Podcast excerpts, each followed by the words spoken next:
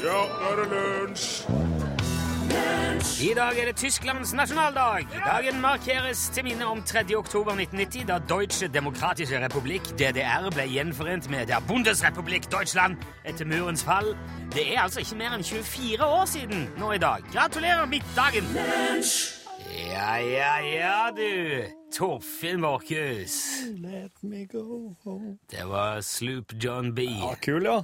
The Beach Boys. Jepp. Den minner om den der Jeg hadde en gang en båt med skålar, bram og Segel og ruff og kjøl. Ja, men det var så lenge sen. Så lenge sen var det den nu. Svarer meg du, Ja, jepp. Jeg bare jeg bare undrer. Var Det er jo den. Ja, det er den. Det er akkurat samme akkordene og alt mulig. Er det en cover? Er Cornelis Vreeswijk covra den? Nå, er det for en rar ting å oppdage plutselig? Nei, men det er veldig Det er jo en ganske tenker ganske vanlig måte å skrive en sang på. Ja, ja det der må vi sjekke opp i. Dette er Lunsj, NRK P1. Det er De fleste rundt meg påstår at det er fredag. Jeg har ennå vondt for å ta det.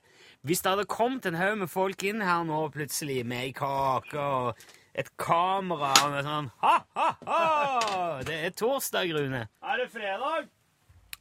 Ja. Så hadde jeg gått på, jeg hadde trodd på det. Eh, For denne uka har gått så fort, han har vært så rar.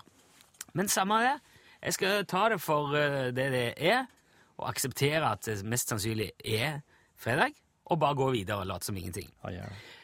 Fordi jeg har en iPhone. Den går på batteri, og det gjør at han må lades med jevne mellomrom. Lades opp. ja. Da jeg skulle lade den tidligere denne uka, så la jeg merke til at selve laderen, altså den delen som er stikk i stikkontakten, Ja. ble veldig, veldig varm. Påfallende ubehagelig varm, faktisk. ja. Og da kom jeg på at jeg hadde lest et eller annet sted eh, at nå, om noen Apple-ladere som muligens hadde en feil. Ja. Har du sett det? Ja. Ja.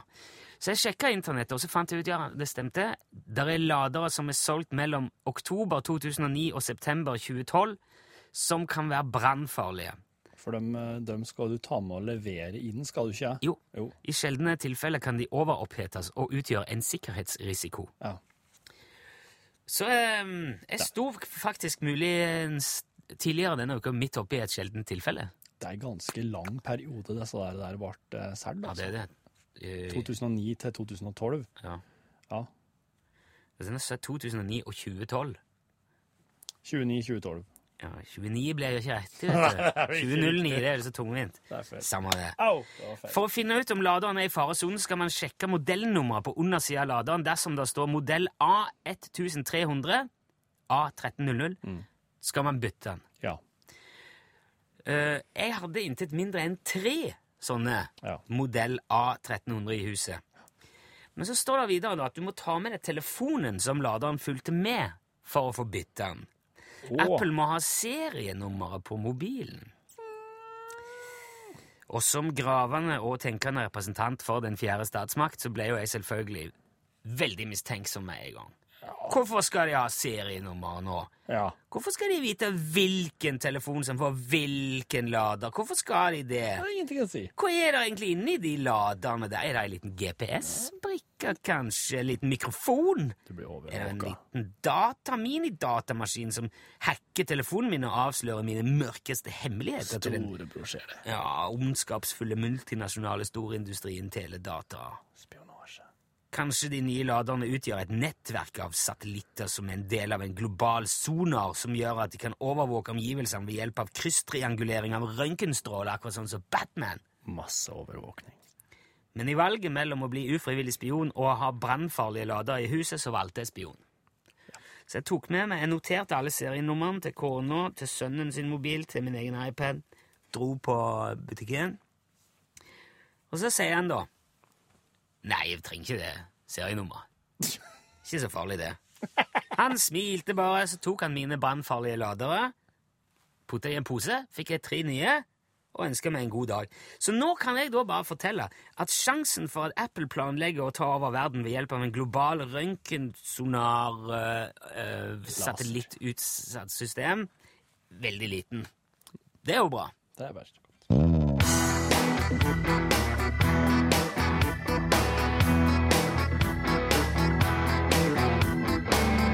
Du hørte Hellbillies og Gamle Bryn. Ja.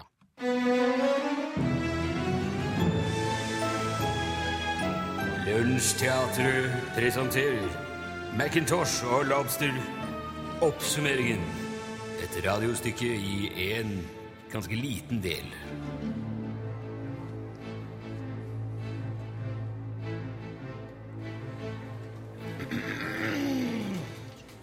Ja, ta et eh, notat til arkivet, Lobstø. Ja, hva skal det arkiveres under, sør?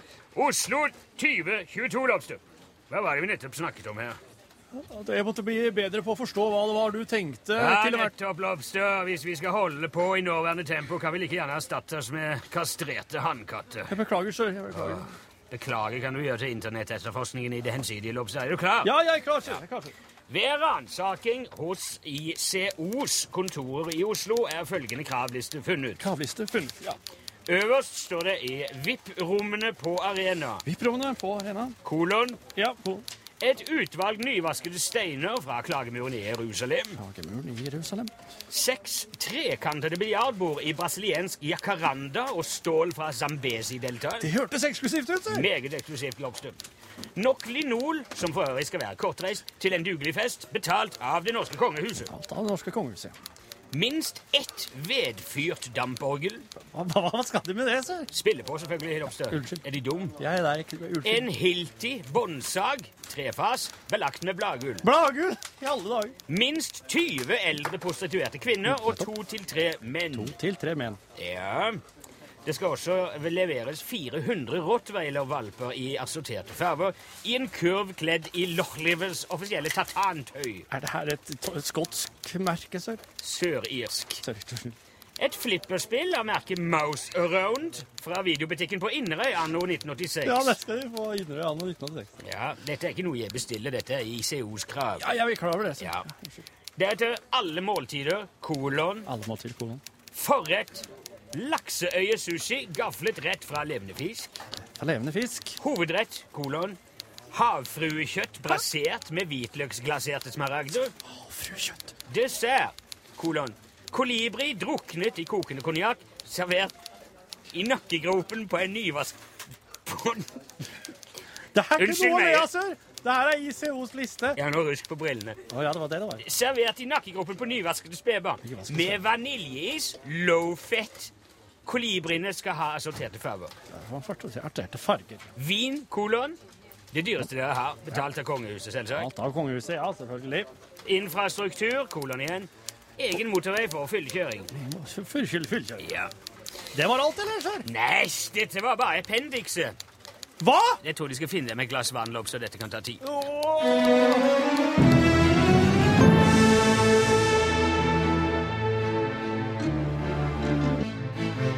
Carly Ray Jepsen there. Call me maybe. Heter. Er det noe jeg skal si? Skal jeg bare trykke?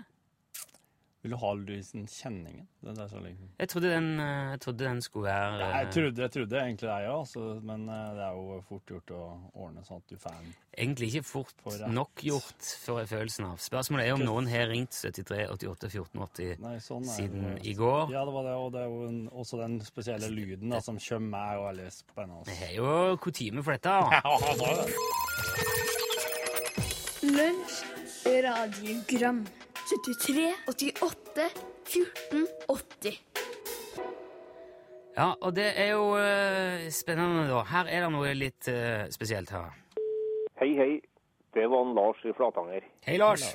Den er en ting jeg har gått og spekulert på i mange mange år, som jeg aldri har fått svar på, men dere som er så oppvakt, og som er så gløgg og så smart. Mitt spørsmål er hvor høyt kan et lite fly? Takk for den. Ja, dette er jo en klassiker. Det Er det det, ja? ja? Det er et av de virkelig store spørsmålene i livet. Og det blir nesten for galt å prøve å svare på det, for det, her er jo Det er litt sånn Målet er veien, på en måte. Eller, altså, spørsmålet er òg svaret. Og Ja. det der, Den kan du ta med deg på en måte inn i helge på et vis. Ja. Han skal bare henge. En nydelig liten setning. Hvor høyt kan et lite fly? Men siden du nå likevel spør så fint, Lars, så skal du få et skikkelig svar. Og et, eh, et svar som sømmer seg for eh, en nordtrønder For å vise at vi har forstått den doble båndet og ironien i problemstillingen, så skal jeg prøve å gi svaret på spørsmålet i form av en Terje Tysland-tolkning. Yes! yes! Ja. Og da må jeg ha skal vi se, jeg må ha litt grann, eh, klang. Her, da. Og så skal vi spille en uh, i vise om fly her. Det var feil. eh. Eller, Nå har jeg bæsja på leggen eh, skikkelig her. For det er jo ikke den lyden her. OK. um... Det heter Tyskland-underlaget. dette er Nå Nå er det Hvis ikke dette, det, Hva er dette her? ja, det lurer jeg på. Ja. Eh, Til å si lovene og sånn, og så ikke ha klar musikken. ja. Eh, men eh, nå, da. Å, du er produsenten ifra en annen. Jeg beklager det. Vi, vi prøver en gang til.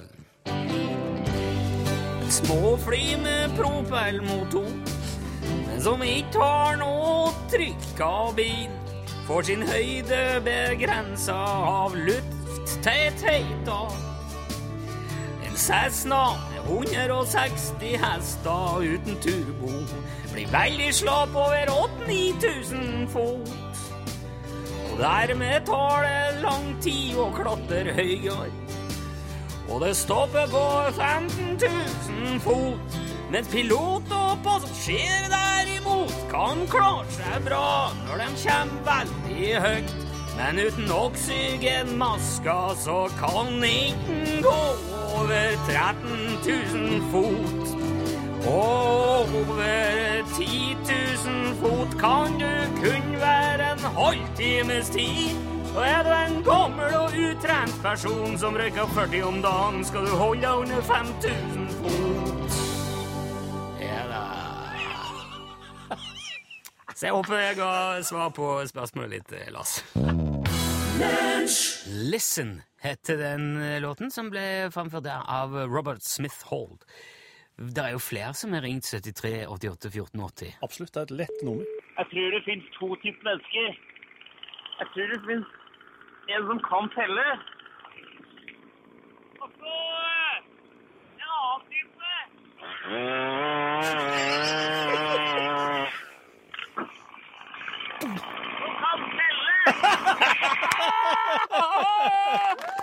Fantastisk! Det kaller jeg radiogrammet. Det fins to typer folk. De som kan telle, og de som kan felle. Han var åpenbart av eh, siste kategori. Ja, jeg sitter og hører på lunsj, og så lurer jeg på hva i hva i svarten som foregår her? Hør, hør du? på, på grunn av og begrunner det med både med opprustning i Russland og med Ukraina-konflikten. What? her. Tangspillmølla lurer på hva i svartsen som skjer her. Hva er det her for noe? Plutselig kom et intervju. Jeg hører på lunsj. Herregud. Herregud, jeg sier jo What?! What?! Du, ja. Du må fortelle, ja, for det, det, Tankbilmølla. det er jo en grunn, det der. Dette var i går. Ja. Eh, da var det eh, en sender som heter Helligfjell i Finnmark, som det var, som det var pågikk noe utbedringsarbeid på. Okay. Så de som var i nærheten av den senderen, kunne iallfall påregne noe, at det ble noe rart. Og det der, jeg vet ikke hva de hørte, for de hørte åpenbart et eller annet i stedet for. Ja, ja, det har kommet inn noe annet, ja. Et intervju av noe Ukraina og noe greier der. Og det er jo ikke daglig kost her i lunsj. Nei, det er jo ikke Ja, ja, du vet jo aldri, men eh, det var, det var åpenbart ikke noen av oss. Nei. Så jeg beklager det. Det lå utenfor vår makt. Skal prøve å unngå at det skjer igjen. Jeg var på Haukeland i går og bestemte meg for å gå til sentrum i det nydelige høstværet. Ved Store Lungegårdsvann traff jeg en fyr med et ansikt preget av hardt liv. Han pekte opp mot himmelen og sa ivrig. Der er en tårnfalk. Du kan se det på flygemønsteret og de spisse vingene. Selv så jeg en hegere gå inn for landing ved Neptun båtforening og tre voksne torsker som lette etter mat i Blæretangen. What a wonderful world, sang en gatemusikant i undergangen ved Lille Lungårdsvann. Det har du jaggu rett i, tenkte jeg. Lunsj, radiogram 73, 88, 14, 80 Drøm videre, Violetta heter sangen, og det var så kaldt, Det er umulig å ikke høre hva det er jo Kaizers Orkestra. Helgemat med Kjetil Tjalve God dag, god dag. dag. fra Stavanger. Yes! Super Mastercock. You betcha! Har vunnet plenty med medaljer og laga deilig mat hver dag. Ja, det gjør jeg. Driver jo flere restauranter. Ja. Bryne Stavanger-området. Ja, og eh, Kjempe, kjempekult. her i lunsj så anbefaler du helgemat. Ja, det gjør jeg. Hva har du slags råvarer å lokke med i dag? Du, nå er det tid for lam. Ja, det er det så Det klart. er det. Fantastisk råvare med utallige muligheter. Ja. Dessverre så blir jo veldig ofte dette nydelige, ferske kjøttet Ja. bare slengt i en kasserolle med noe kål og salt og hele pepperkorn og kokt i hjel. Ja. Ja. Jeg skal ikke si noe stygt om fårikålen. Det kan være aldeles nydelig. Mm. Spesielt hvis du f.eks. bruker blasert overflatekål eller litt tibetansk jippipepper. Eller kanskje fyre opp litt ekstra med en solid dose bailando og litt gul haparanda, men fortsatt er det bare fårikål. Ja. Og derfor vil jeg i dag gi oppskriften på litt, eh, en, en litt mer spennende rett med Ja. lam. Eh, vulkanisert lammeskatoll Wow. med støpselrotpuré og brasert lakksko i lofotbærsirup.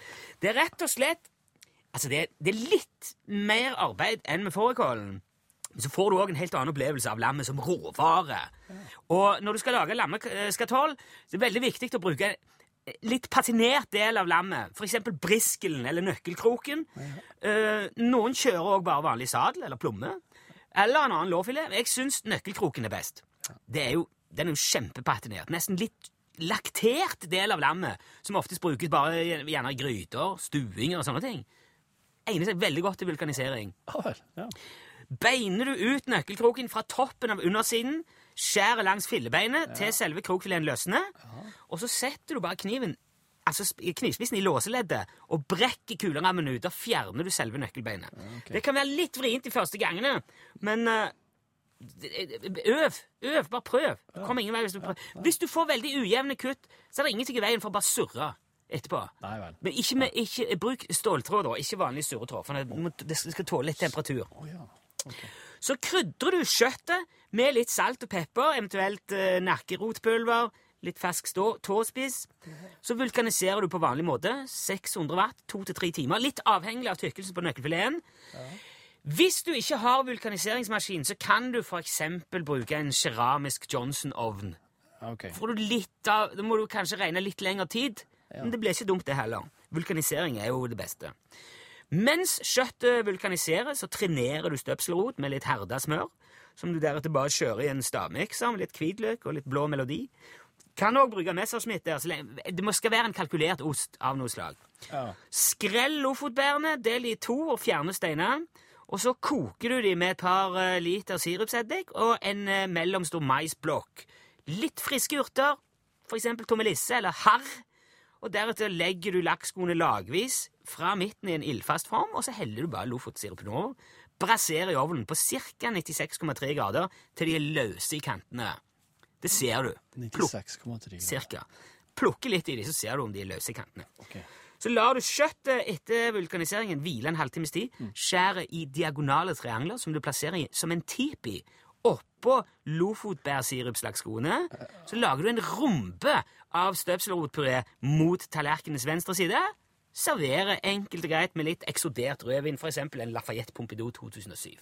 Kjemperett! Vulkanisert lam. Yes! Tusen, OK, ok, tusen takk. Da er det virkelig høst. da, Ja, det er høst Ja. når det er vulkanisert lam. Takk, Kjetil Tjalve. Det var helgamaten. Her er Maroon 5 Ja. med Maps. Ok.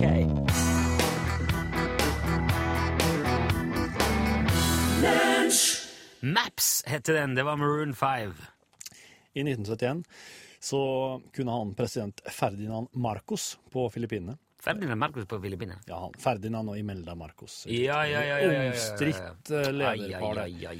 Ja. eh, Og Manuel Elizalde, Marcos sin minoritetsminister, eh, kunngjøre en ting som, som, som på en måte bare spreddes over hele verden ganske fort.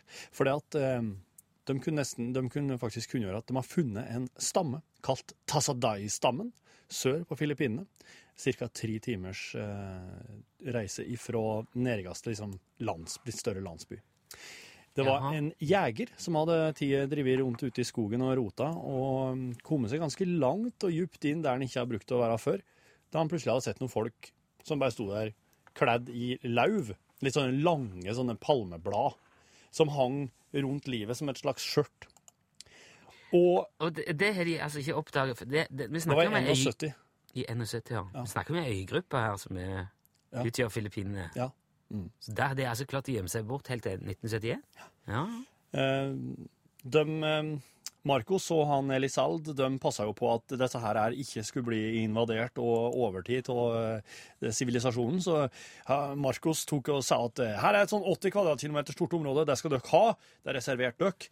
Eh, og Elisald han satte ut vaktstyrker som helt vakt, slik at ingen skulle komme inn til dem og på en måte besudle det her urfolket. Jaha.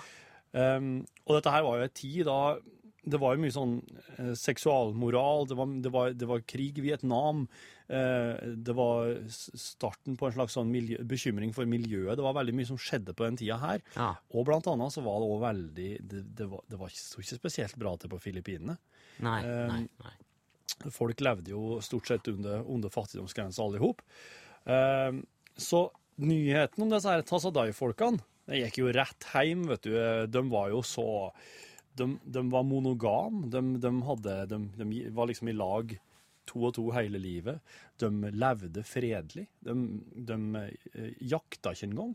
Oh. De bodde i naturlige huler. De var sånn De var fredelige, eh, og de var eh, snille, greie urfolk. Det er ikke verst. Ja. Men så er tingen den at oss veit fortsatt ikke om den stammen her virkelig var en ekte stamme. Fordi at det for noen antropologer inn dit etter at eh, nyheten kom, og undersøkte dem. Og de fant ut at den dietten de levde på, altså frukt, bær, eh, noe som kall- minner litt om søtpotet som kalles jam, og rumpetroll, altså ja, rumpetroll, okay. den dietten der, det, som de høsta og hadde den, den kun knapt eh, eh, det, var ikke en, en, det var ikke en Det var en tredjedel av det de, de kaloriene de egentlig trengte, de som bodde der. Aha. Og når antropologene fant ut det der, da ble de bare pælma ut fra området. No, dere får ikke lov til å eh, Av, av, av ta, ta, ta, Marcos, Marcos. Marcos, Ja, sjefen. Oh. Og i 72 så innførte Marcos unntakstilstand på Filippinene. Og da eh, ble det ingen som kom inn til Tasadayan lenger. Og for en lengre periode så var det ingen som besøkte dem i det hele tatt. Men i 86, da Marcus han, Marcos han flykta til Hawaii, han døde i 86 der, da var det en sveitsisk reporter som tok seg inn til dem. Han fant tomme huler. Han fant folk som bodde rett ved sida av, i hus, med vestlige klær. Jaha. Eh, og han spurte dem om Tassadai-folket, og de sa bare at nei, du, Elisald han hadde sagt til oss at oss skulle bare late som oss var en uh, uoppdaga stamme, og oss skulle putte på oss lauv og bo i huler, og da skulle oss få penger og gaver og skulle få beskyttelse fra lokale stridigheter med andre, altså andre landsbyer. Aha. Og da Han fant bare på. fant bare på det. Og så var det også noen, som, eh, noen antropologer som kom inn dit, som, som, fann- som plutselig kom litt overraskende på denne Tassadai-stammen. Og, og da så en at de, de hadde jo vestlige klær under dem, og bare driv på seg noen par slike eh, planteskjørt over klærne. så det virka som de hadde hatt det litt travelt. Og da, eh, da ble det, det ble rettssak, da. Elisald han tok med seg stammefolkene, eh, for flaug til hovedstaden på Filippinene, Manila, og så gikk han til søksmål mot antropologene. Og eh, da Men altså, vitenskap, altså vitenskapsfolkene er fortsatt ikke overbevist. Men det som er, da, at det er noen, det er noen ting her som er litt Som kan tale for urfolket sitt fordel òg. Sitt fordel for at de prata i dialekt som etter, å etter at han har blitt analysert, det viser seg at den dialekta her, den har skora av fra det lokale språket for 150 år siden. Og de, de tok òg imot en antropolog som bodde i lag med dem i ti måneder, og alle sammen var urfolk hele tida. OK. Rumpetroll og full pakke? Yes, sir. Ja. I ti måneder. Og det er litt lenge å helle på hvis Ja, det bare det- er spill for galleriet. Ja, Og du bare får en tredjedel av kaloriene du skal ha? Ja.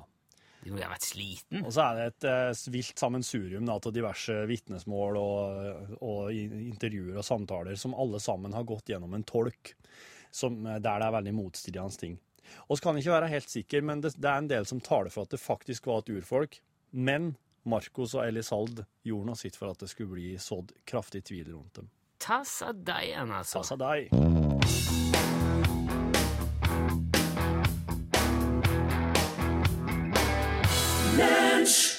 Nobody Knows til låten Nei, Jeg har brukt å si Emilie Nicolas, men eh, hun synger jo Emily her. Så jeg tror kanskje han skal si Emily Nicolas. Ok. Det var Ja, det var i hvert fall det du hørte. Ja. Det du hører her, det er Lightning Sonata. Jaha. Lynsonaten. Jaha. Framført på piano her av Tony Sicoria fra New York. I 1994 så sto Tony her, han sto i en telefonkiosk og snakka med mor si. Ja. Litt regn i lufta var det den dagen, og han kunne, du kunne høre liksom tornevær langt borte. Mm. Idet han la på røret og snudde seg rundt og skulle gå fra telefonkiosken, så slår lynet ned rett i ansiktet på ham. Oh, Han ble truffet av lyn og blir kasta bakover. Og der står ei dame eh, rett i nærheten og venter på at telefonen skal bli ledig, så hun stormer til. Hun kan førstehjelp. Ja. Så hun eh, går rett eh, til verks med eh, livgivende førstehjelp Ja. og, og redder livet på han da. Og han får ingen fysisk varige men av dette lynnedslaget, men etterpå så begynner han å høre musikk oppi hodet sitt. OK. Ja. Og det, det var dette han hørte. Dette det kverna gikk oppi hodet. Men han kunne ikke spille piano, han kunne ikke spille noe instrument, han Tony. Nei. Så han fikk jo liksom aldri formidla hva han hørte. Nei, ja. Han kunne kanskje si du er helt god sånn melodi nå. Ja. Han kunne ikke Ja, nei. Nei. Får ikke fram alt, nei. Så til slutt da, så finner han ut at jeg vet du hva, jeg må bare lære meg å spille piano. Dette her, jeg, må, jeg, kan, kan ikke holde på med dette lenger. Så nå har han brukt altså da de siste tolv årene på å lære seg å spille piano Ja. kun fordi altså han har ett mål for øyet, det er at han skal framføre det du hører her. Ja, han er flink, da. Ja, det låter jo bra. Det er lyden av lynet som slo ned i han i 1994. Og så lyden av etter, et, det livet etterpå. Ja, Ja. Det, det er det som satt igjen i hodet etter at han ble truffet av lynet. Og nå har han da endelig altså fått framført stykket sitt, og det gjorde han i Mozart House i Wien, av alle steder. Og nå er det altså et opptak av dette som er i ferd med å spre seg på nettet. Det ligger på YouTube. Ja. Og han spiller for sine venner og familie sikkert Ja. prater litt, og, og så spiller han dette. Det er et ganske langt stykke, det er i tre deler. Eh, filmen på YouTube varer i over 16 minutter. Ja. Og han sier sjøl han kan ikke ta æren for komposisjonen. Han fikk dette i gave fra den andre siden. Ja, It was given to him from the other side. Eh, og det er ganske imponerende at han har fått et så langt stykke, altså i tre deler, ut av et lynnedslag som normalt varer altså i et fjerdedels sekund. Men det er jo nok tid til å levere bortimot 10 000 ampere med strøm, og det resulterer altså da i kan resultere i sånn som dette. Det er ikke verst. Nei, det er veldig bra. Lightning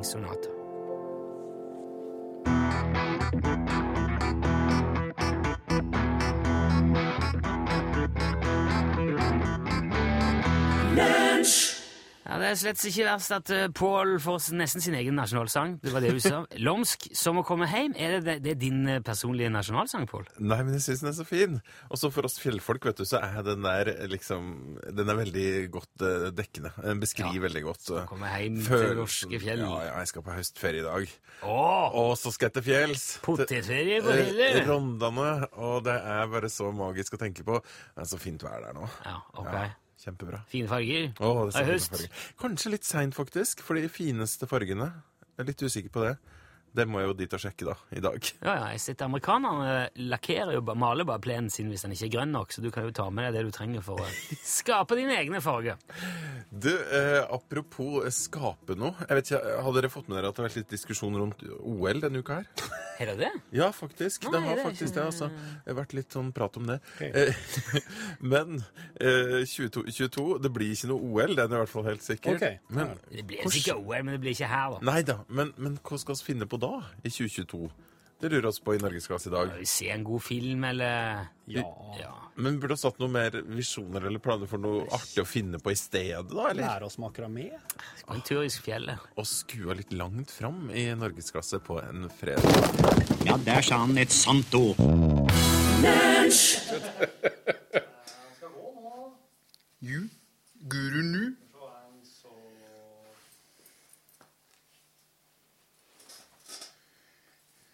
Jo, OK, der går den. Ju, Ja, det er fint.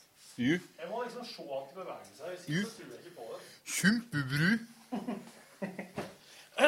Hei og velkommen til bonusmaterialet bonusmateriale i lunsj. Um, fredag 3. oktober. Ju. Uh, I dag så har jeg med meg um, Bjarne Ringstad Olsen. Ja, det er jo du. Ja, du, Ja, du er avslørte deg, du. Ja, ja, ja. Din luring. I dag er det sandkasse her. Det er eksperimentering. Um, ja, ja, OK. Ikke mas. Ikke mas. Jeg skal si hvem Rune er. Han Rune han er med sønnen sin og tannlegen. For han skulle trekke ei tonn i dag. Ja. Så det var visst eh, en liten bøyg. Ja. Skjønte jeg. Men jeg håper at de Altså, han sitter vel i stolen nå. Så får jeg sende tankene Jeg vil ikke sende tankene dit. Nei. Nei. Nei. Nei. Nei. Vi må jo først og fremst tenke på oss sjøl. Først og fremst. Hallo. I dag skal vi få være vitne til et eh, eksperiment og skal prøve og skal prøve oss på en ny figur som eh, i alle fall kan bli en eh, podkast en podkasthelt. En podkastgjest. Det er nemlig inspektør Klosett. Ju. Han prater Han bruker bare u-er på vokalene. Du uruk, du. Så, og han er, han er ekstremt pågående og eh, ikke spesielt eh, god til å lytte, kan en si det. Ja, det, det syns jeg. Ja. Det er veldig dårlig til å lytte, egentlig.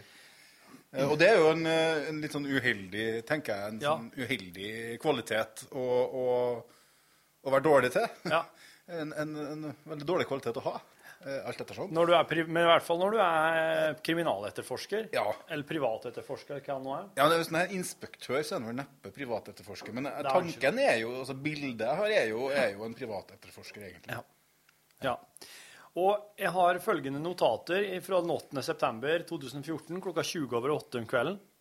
Inspektør Klosett, parentes Clisot, parentes slutt. Du har ikke hørt fruen Putrudu Gud Nuvul? Han skal løse saken selv om han er løs i magen. Noe med Scooby-Doo og klosettlyd. Ja, det var et veldig, veldig, det var et veldig bra møte vi hadde. Fy faen. Yes. Og eh, det var på Moskus, faktisk på utestedet Moskus, at vi eh, kom ut med det der. Ja. Og her var du helt sentral, Bjarne. Ja, ja, kanskje. Du tok rolla som inspektør Klosett. Ja, det, ja, altså den er jo Det er jo egentlig Så er den jo veldig inspirert av eh, Jeg må jo få si, si at Osen, sjølveste Are Sende Osen, ja. Han, eh, han inspirerte det her en gang. Det var faktisk da han var inn i sendinga på Ja. radio i stedet for Rune. Ja. Da skulle du late som du var Are, og så skulle Are late som han var deg. Stemmer det. Og da var- jeg var tilfeldigvis i kontrollrommet Stemmer det. og hørte på, og det syns jeg var helt hysterisk, fordi at du kunne til forveksling ligne litt på Are. Are innså at han hadde ikke en sjanse, så han satt bare og lagde gutturale lyder bortimot. Han, fikk, han tok med seg den boka her, og satt bare og Ja. las tilfeldige ord herifra. Ja, det husker jeg. Og det var den eh, boka, ordbok for dialektene i Folldal som heter 'Oss må tåle mer om dette'. Og det er klart at det er jo, det er jo et utgangspunkt for uendelig mye artig, selvfølgelig. Og, men Are innså det at han har kanskje ikke de helt store sånn, hermekvalitetene hva dialekter angår. Han har ikke, altså. Så han satt bare egentlig og lagde lyder og, og, og kom med ord. da, 'Flusjustyn', for eksempel, da, fra den boka her. Og det syns jeg var Ja, Veldig det, og det, derifra kom altså inspektør Klosett. Nå skal jeg legge på litt sånn krimkjenningsmusikk, og så, eh, og så kan vi se for oss at inspektør Klosett kommer bort til en, eh, en mann i, kanskje i køa på Polet? På polet, ja. Og, eh, og lurer på kanskje hva, hva kjerringa har sagt. Eller hva ungene har sagt, for eksempel. Mhm. Ja. Inspektør Closet er jo en klassisk sånn som logger et problem av ingenting. La oss prøve nå. Så, så. så jeg legger på lyder etterpå. Så det blir sånn skikkelig fint.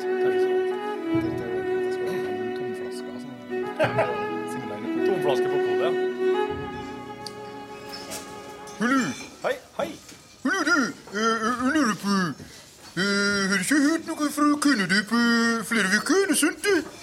nei, nei, nei jeg, det var Jeg prata med oss senest i dag tidlig.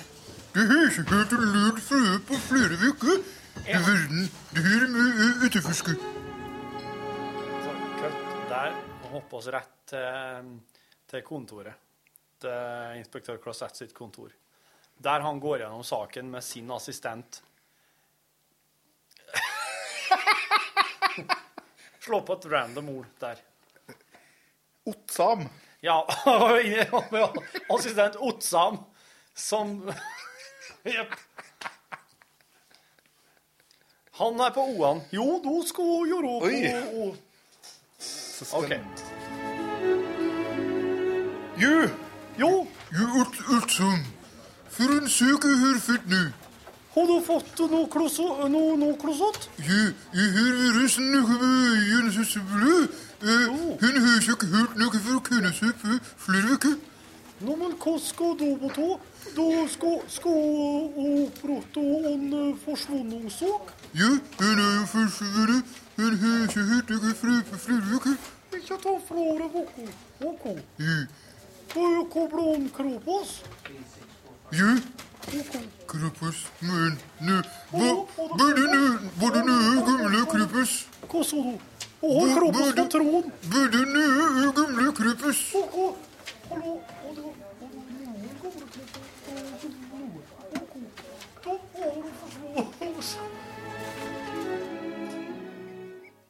Er utrolig ræva konsert. Å, jebus.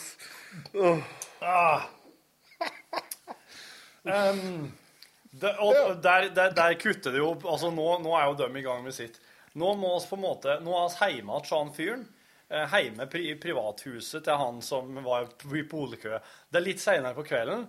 Inspektør Klosett kommer på døra, kommer på døra uh, uh, og forklarer at nå er alle kluter satt til. Og at de skal finne kjerringa, men uh, han må være tålmodig og alt det der. Og han må svare på noen spørsmål kanskje som er relevant i en sammenheng. Men så er, er jo kjerringa der, tenker jeg. Og da kan inspektør Closet konkludere, og så falsk Closet-lyden. Ja, ja, det går an. OK, da, da later jeg som jeg er inne. Ja, skal dere ha noe mer uh, potetgull i støa? Ja, oi. Ja, hei! Er det deg igjen? Ja,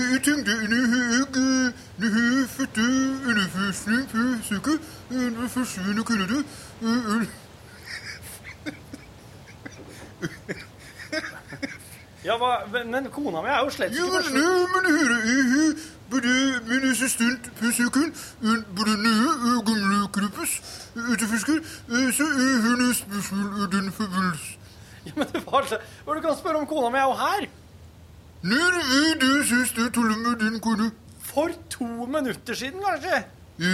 Hva- Hun hun du litt anspent, nervøs redd? Nei, nei. Veldig avslappa, og i, det, er jo, det er jo fredag, og Har den kunne en fiender? Hun har jo ingen fiender! Hun er jo verdens snilleste menneske. Hvem er de egentlig? Hva heter de? Jeg er inspektør Kløsut. Er du inspektør Klosett? Jo! Har du et skilt? Kan jeg få se det? Ja. Ja vel, OK. Men, ja, men jeg skal, vi skal vise deg faktisk du vet, du, her, her er en ikke-sak, inspektør. Ikke-sak? Miriam! Miriam. Kom hit, er du grei!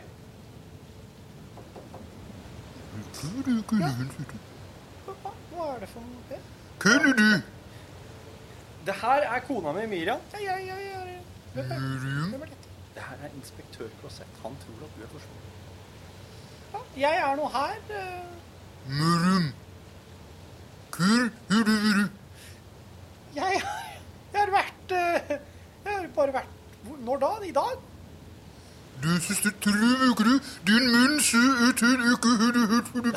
Nei, jeg har slett ikke sagt at du var borte. Jeg- Nei, jeg møtte denne mannen på Vinmonopolet, og han kom bort til meg og lurte på hvor du var, og hvor, du, hvor du hadde vært de siste tre ukene. Ja, nei, har du sagt at jeg har vært borte siden? Nei, det har jeg ikke gjort. Du, du, du, Nei, jeg sa ikke det. Det her, jeg, han, han lager, han... Du har ikke hørt fra kunne du på tre uker. Vi snakker jo sammen hver dag, Per. Ja, vi gjør jo det. Vi, ja, vi gjør det. Jeg har jo hørt fra deg hver dag de siste tre ukene. Og der tenker jeg klosettlyden den. Den, eh, Den landa vi bra. den landa vi bra. Du, det her er jo et eh, det her- Veldig irriterende konsept, i hvert fall. Det er veldig vanskelig å gjennomføre, syns jeg. Ja, det, men han kan samtidig si at den, eh, den derre Det dogmet da, som du blir påført når du må prate bare på, med u-er på vokalene, det er en ting som kan gjøre det lettere for deg å være en sånn eh, Ja, ta det med en klypsalt, men helhet, helhetlig figur. En troverdig en sånn Det er et eller annet som skjer når du må, når du må tenke på den måten. Det er sant. Så du, plutselig så blir du Det, det der ble jo det der ble jo noe helt annet enn jeg hadde tenkt. For jeg, der, det ble jo plutselig at inspektør Klosett kom på døra til dem og nesten sa at dere, må prate jo. Og Det, jo, det fikk jo minst et ekstra lag her, som kom veldig like overraskende på meg. Altså, Der ble nesten inspektør Klosett en slags sånn eh, samlivsterapeut. Altså, han, han er ikke så veldig mye kriminaletterforsker, men han er, en, han er kanskje en som går rundt og ser at folk trenger å prate. Ja, for her kan vi jo selvfølgelig tolke veldig mye ut av det, den Ja. siste setninga der. Da. Det, er jo, det, er jo, det er jo det at man kanskje i hverdagen ikke ser hverandre. Altså, Ser hvem den andre er, ser behovene. Ja. og- Ja. Har du liksom hatt en Har du sett egentlig den andre og hatt en reell prat de siste tre ukene? Ja, de har Kan du med hånda på hjertet Si det. Kan du legge hånda på hjertet Ja, sånn. Og si at, at du har hatt en ordentlig god prat med kjerringa di de siste tre ukene? Nei. Har du, har du kjæreste nå? Nei. Ikke kjæreste? Nei. Jeg vet jo at du ikke har kjerring. Eller med mindre Altså, du kunne jo fort ha funnet på å gifte deg i all hemmelighet i mulm og mørkere. Ja, ja. Ja, men um... Hvor lenge har vi kjent hverandre nå?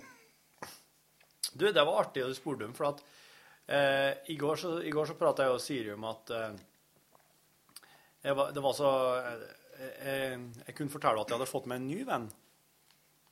Og da sa hun eh, Oi, ja, men jeg har fått en ny venn. Ja, jeg tenkte det er ikke ofte jeg får nye venner, sier jeg. Nei, den siste jeg kan komme på, var han Bjarne, sa hun. Men det er for at for Det var ikke noe tidsangivelse med i den Nei, men da begynte jeg nemlig å tenke Når var det Men det, det må jo egentlig ha vært når du begynte der, bortimot. Ja, det var ikke langt ifra. Det var før det, faktisk. For eh, det var noen som fikk skyss av noen. Og, Var det fra Fjø... Nei. Nei. Men jeg bodde Jeg bodde jo i, i gleich om de Ecke. Ja, det gjorde du. Så det var i den forbindelse det var det første gangen. Og det var det, og så var det sikkert en Hegstad. Akkurat. Så du Men jeg tipper da for at det er fem og et halvt pluss For at jeg husker jo år siden. Jeg husker Eat the Rich, da Rama Lama Ja. spilte. Da kjente oss ikke noen enda, men da, jeg husker at jeg så, Ja. så dere live. Og da visste jeg jo egentlig hvem du var, for da mener jeg faktisk at oss allerede hadde tid den der kjøreturen i lag. Det hadde vi. Men hva slags Eat the Rich var det der, da? Det var jo i 2010. Var det der? Nei, men vet du, da, da kjente oss Når begynte du her? 2009. Ja. Våren, sommeren. Ja. Ja, nei, da var jo Men altså sommeren 2009, da. Da hva hende var det en uh, bil Altså der det var noen som kjørte oss, og satt både Hegstad og du og jeg på? Ja, sånn? men det var før jeg begynte. Det er jeg helt sikker på. Og Men hva skulle oss? Hva var greia da? Det var bare tilbud om skyss hjem. Eh, Jeg lurer på Ifra Du, det kunne vært Friheim som kjørte. Fordi jeg jobba jo sammen med han, Ivar. Det gjorde du? Ja. Se der. Der har vi en plausibel forklaring. Vi går for den. Ja, ja, ja bra. Den er, den er banka. Ja. Herlig. U. Er du klar for en ny runde med Nei, jeg er veldig Nei. sliten i kjeven. Han, han kommer innom igjen senere Ja. en gang, tenker jeg. Jeg er veldig sliten i kjeven akkurat nå. Det er jo, du, du som hører på det, du er jo vår beste kriti kritiker. Uh, inspektør Klosett. Uh, bare å sende e-post lkrøllafnrk.no og eh, skrive hva du syns om det her er nye tilskuddet til lunsjstammen. Jeg mener iallfall at uh, det er en av de bedre ideene det siste året. Oi. Ja. Over en eh, ratsepots på moskus. Den, den inneholder slike ting som jeg mener at lunsj må ha mer av, som er rett og slett rein og skjær eh, surrealisme og galskap. Eh, som, oss, som, som, ofte kjem, som ofte blir eh, satt til side til fordel for mer sånn eh, infotainment-aktige ting. Sånn, sånn rare hendelser og pussige ting. Sånn internett. Altså internetting. Sånne ting som en finner på nett. Ja. Inspektør Closet, han er ikke funnet på nett. Han er ikke på nett For å si det slik. Unikt innhold. Slik tenker jeg, vet du. Det gjør du. Men du, eh, hva skal du i helga? Det er jo fredag, og Du skal på hyttetur? Ja. Du skal det? Nei. Nei. Det ble ikke. Det ble ikke, nei. For det jeg ikke kunne. Typisk. Ja, nei, det var Det sto og falt på når Vi hadde liksom, vi har leid hytta, alt, og alt var, sekken og pakka, Ja, men så kunne ja. du fortelle at du ikke kunne bli med. Da, nei, jeg da gikk det ikke Ja, nei, Nei. Så vi tente på hytta. Ja, dere, dere legger deg i hytte og ten- tente på, rett og slett? Ja, det, det, var, det er jo et hendelig uhell. Ja. De har jo nok hytter i Stjørdal kommune, tenkte Ja, ja, Så ja. Stjørdal trengte ikke noen flere hytter. Nei. Men hva, hva skjer i stedet for da? Eh, Veldig lite, Oh, ja. eh, egentlig. Det eneste jeg har en avtale sånn løselig med Sigurd på andre sida av gangen her. Ja. eh, Om at vi skal treffes. Ja. Eh, På dagtid. På dagtid, ja. På dagtid. Vi skal se på den nye uteplassen i Trondheim. Der vi fortsatt ikke har vært. Som jeg Ja. håper, håper blir hetende Blæsbar. Nummer 19? Å ja, altså nei Altså bræ, Blæsbar, ja. Ja. ja. Jeg håper fortsatt at det blir navnet. Ehm, men eh, skal dere ikke ta turen dit i kveld, da? I kveld spiller jeg jo Shining der. Oi, ja. Og tre andre. Oi. Det, jeg har jo en sjølpålagt uh, Facebook-pause. Så Ja. jeg får ut med meg sånt. Så det er jo absolutt noe som kan vurderes. Du, Helt klart. fortell om den Facebook-pausen din. Det er ikke så mye å fortelle om. Jeg har en pause fra Facebook. Hvorfor har du pause fra Facebook? Fordi jeg syns jeg brukt for mye tid på egentlig sitte og stirre tomt på Facebook. Ja, det er jo egentlig det en gjør. Ja, det er det. Med mindre du er en som er veldig aktiv og kommenterer og liker og skriver sjøl, da. Ja. Var du det? Nei, jeg ikke. Jeg, jeg, har Før så skrev jeg ganske mye. Ja. Nå så har jeg egentlig kutta ned en hel del på det. Så jeg syns ikke at uh,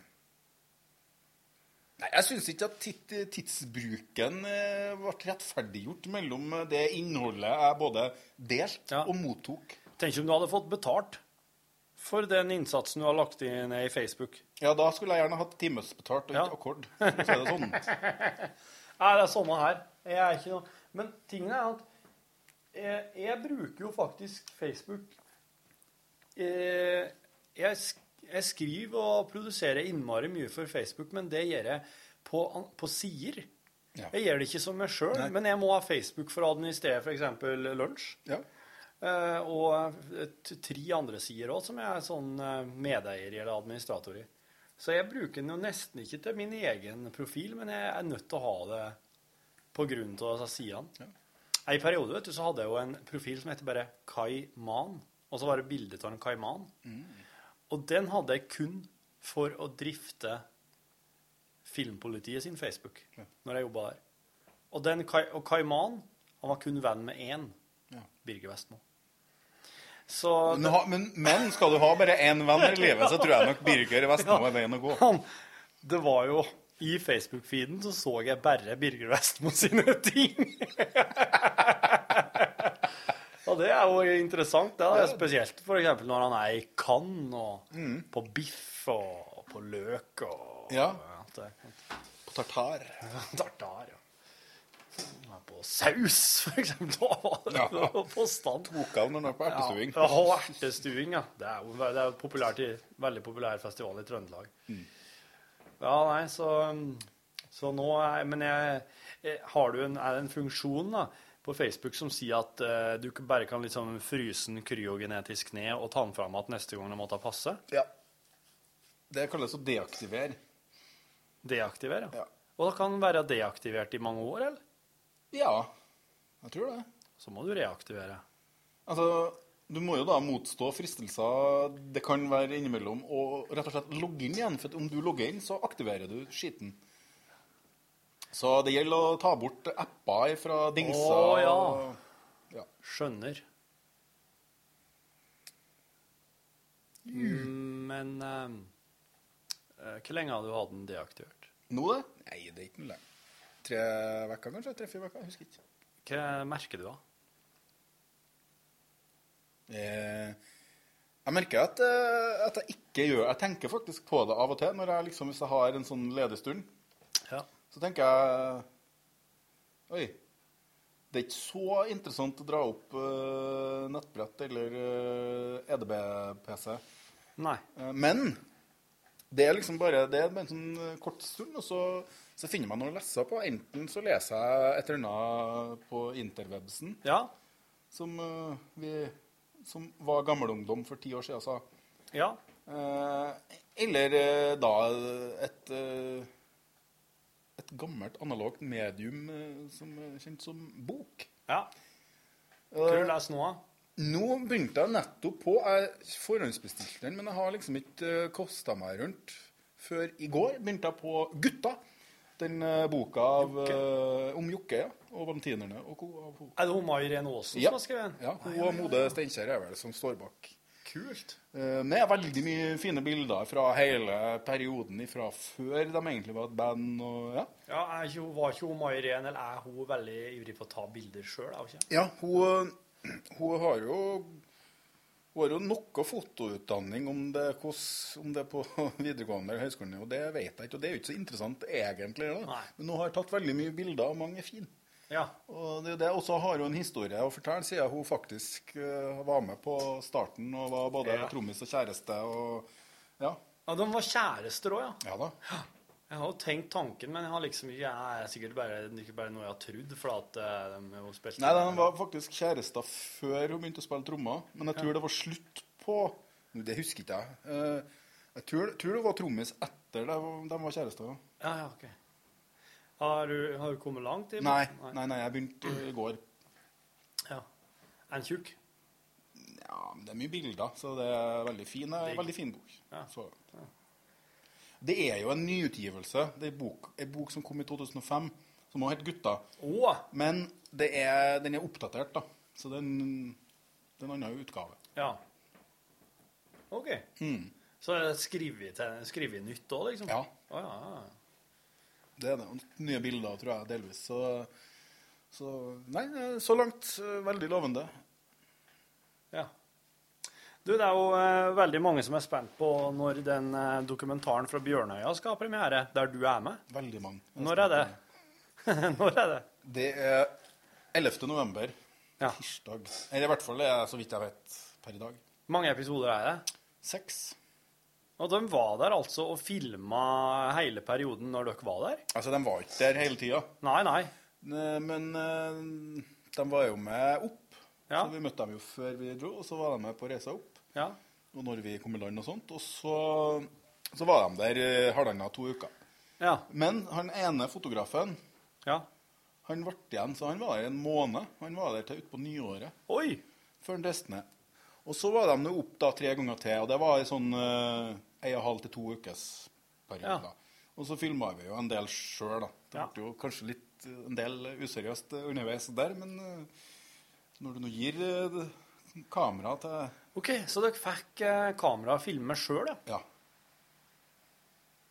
Så her er det Jeg har en del klipp som eh, de ikke har fått, for å si det sånn. Ja, nettopp. Men er det her, her noe å se fram til? Nei.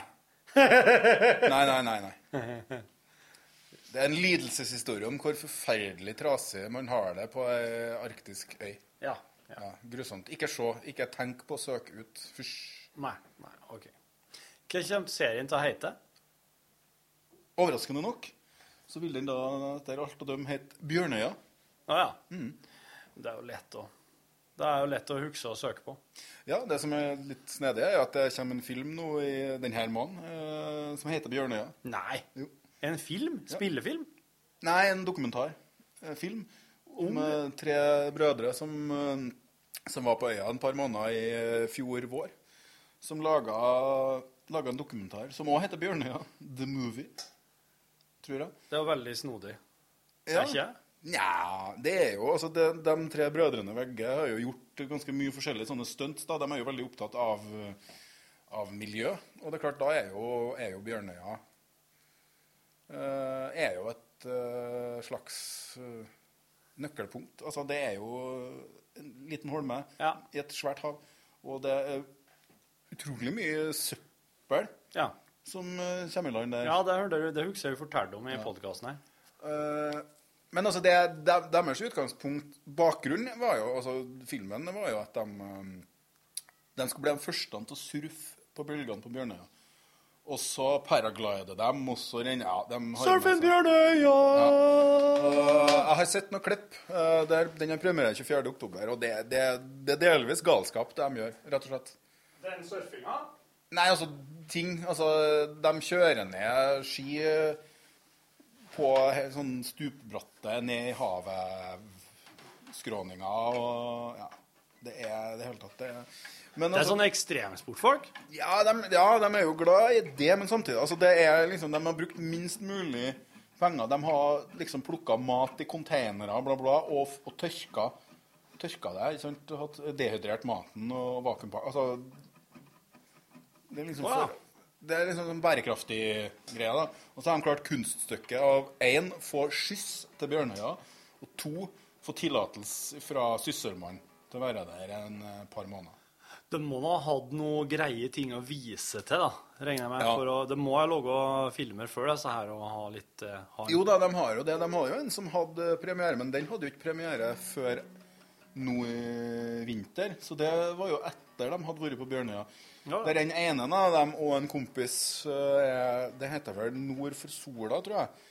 Der de bare rett og slett bor på ei strand i ett år, litt fra og til. De bygger, bygger seg plass å bo de, altså, av ting, skrot de finner i fjæra, og så samler de tonnevis med søppel som rekeland. Aha, det her høres jo nesten ut som et sånn dokumentarprosjekt som en kompis av meg, en annen fyr, eh, en som heter Fredrik, eh, drev med. De drev med det oppe i Lofoten. Ja.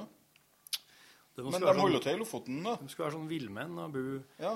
eh, Men eh, kanskje det var Jeg husker ikke hva han Men heter de Vegge til etternavn, alle Ja. opp? Jeg tror ikke han heter det, han eh, Fredrik som jeg tenker på. sjø. Nei, men altså han På den, eh, den eh, filmen som jeg snakka om nå sist, så var det en av de brødrene, og så var det en kompis av han. Ah, Det var det. Sitter og klimprer så fint. Nei, Inge Vegge og Jørn Ranum heter han. Nei brukte, det var ni måneder. Var de oppe der. Jeg var hjemme i jula og sånn, tror jeg. Men uh,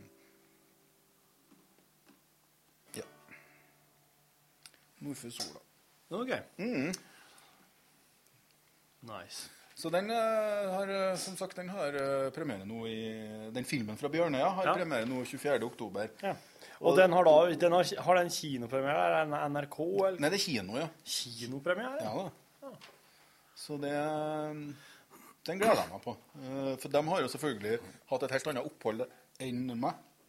Oh yes. Men jeg har jo vært Jeg vet jo Jeg har jo vært på de plassene der de bodde. Og det var jo Det var jo spektakulære områder. Det er jo Ja. spektakulære områder på den øya her. Ja. Og du Ja. Nei, jeg gleder meg til den filmen. I langt større grad enn eh, nevnte ser- TV-serie. Den uh, Jeg har ikke lyst til å se, egentlig. Ikke? Nei. Det er veldig mange som har lyst til å se den.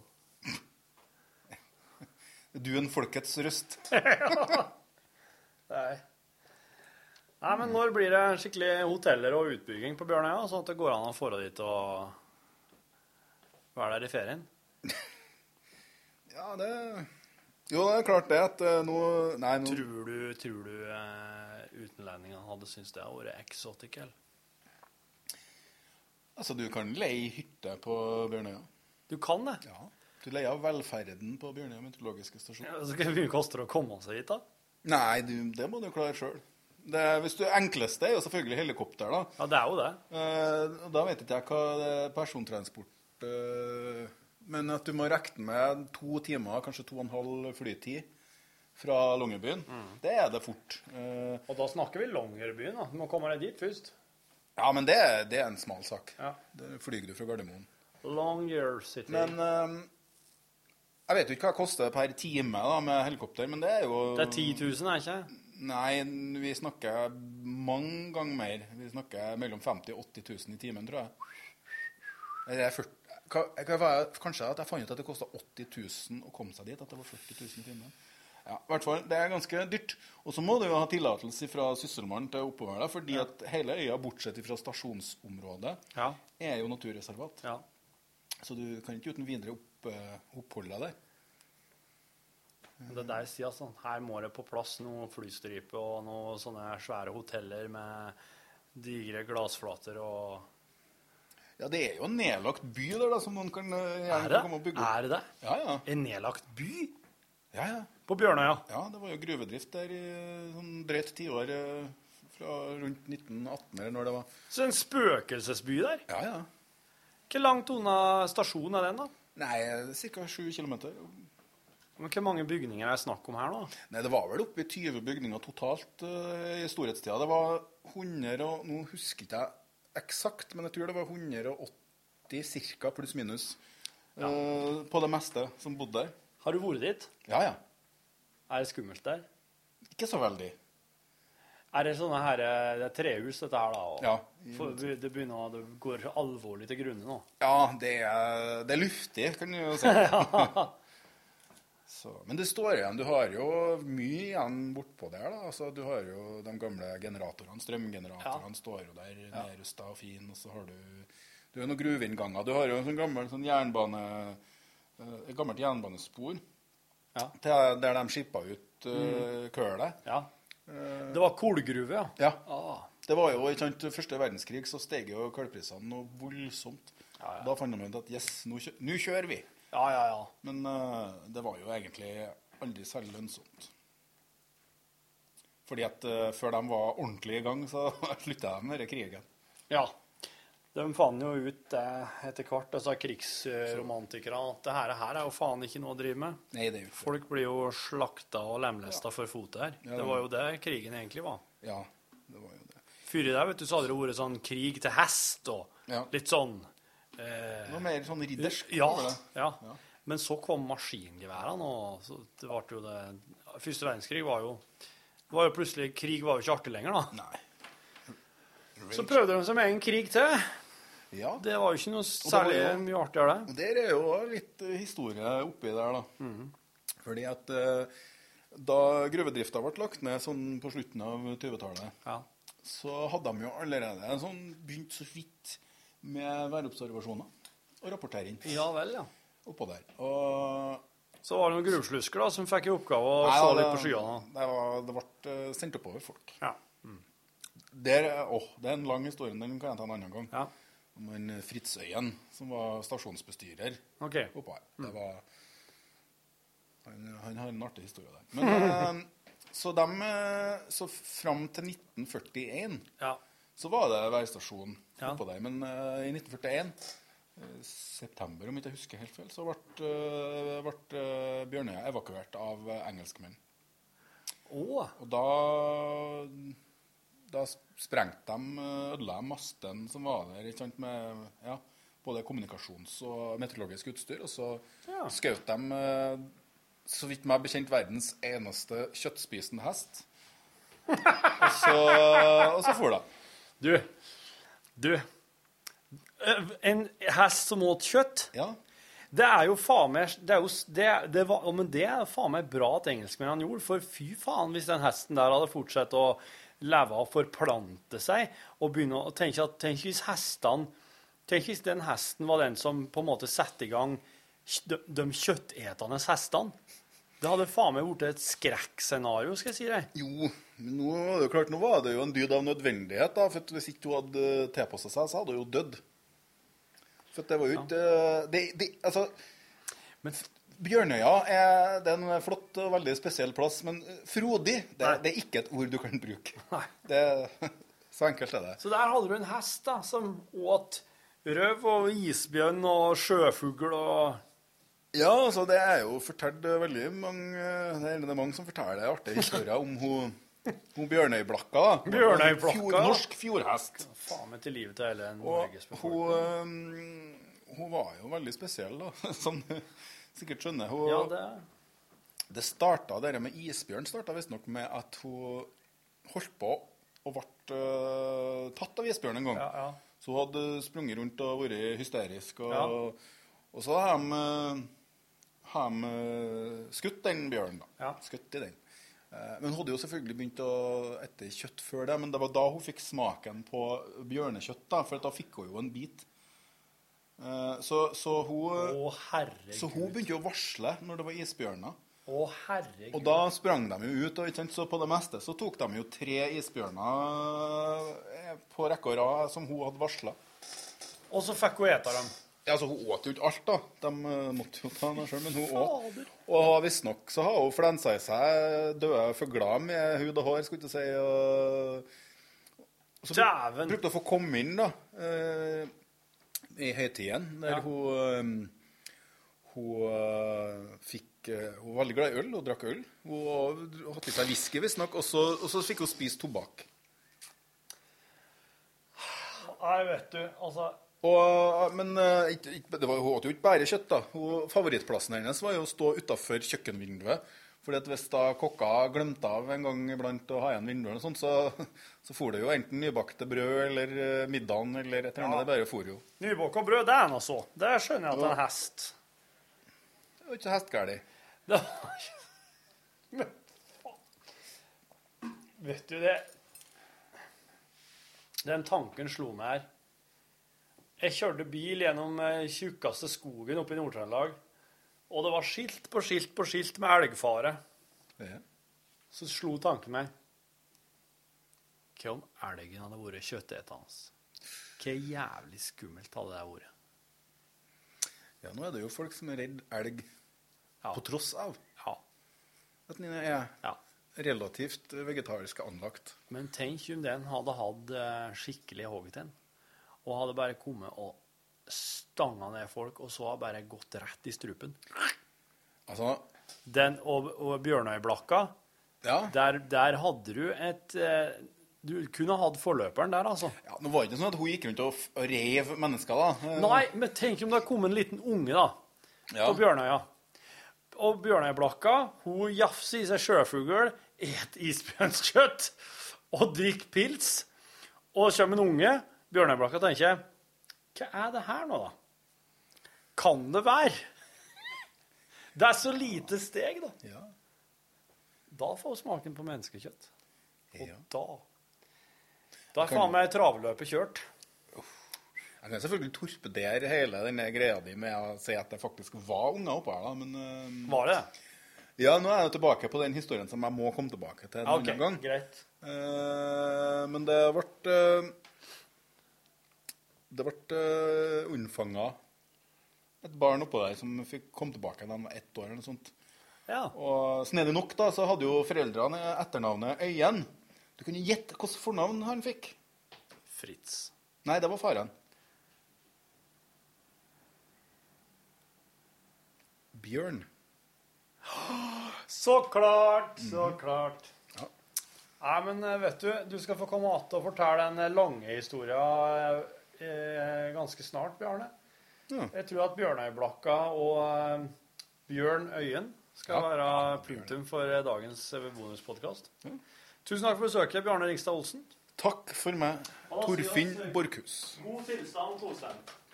God tilstand.